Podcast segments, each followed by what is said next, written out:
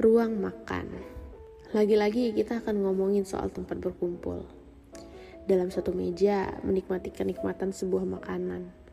Sebuah pengingat penting untuk tetap bersyukur.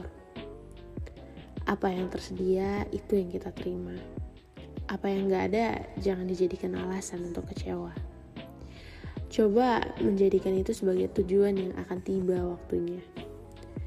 Perlu dikejar dengan usaha sesuatu yang benar-benar nikmat adanya harus perlu kerja keras yang terencana, hanya untuk memuaskan lidah anak kecil yang tercinta.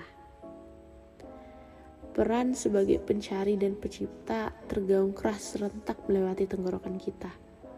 Mereka bercerita bahwa ini bukan sesuatu yang bisa dianggap remeh. Mungkin beberapa orang di luar sana masih ada yang gagal mengisi ruang makan, mengisi dengan porsi yang cukup ada yang mungkin hanya bisa melihat orang lain menikmati santapannya. Apa pun yang kita dapat, pasti tetap ada kurang dan lebihnya dari yang lain. Tapi mungkin kesan yang berbeda, yang gak mungkin bisa diukur dengan tolak ukur ini, yang menjadi suatu keistimewaan di setiap masing-masing rumah.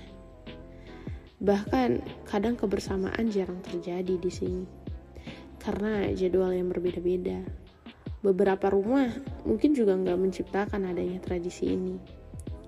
Ya, selama sisi ini tetap dijadikan checkpoint untuk bersyukur, selamanya sampai hanya terdiri satu orang, ruang makan bakalan jadi titik balik untuk sebuah penerimaan.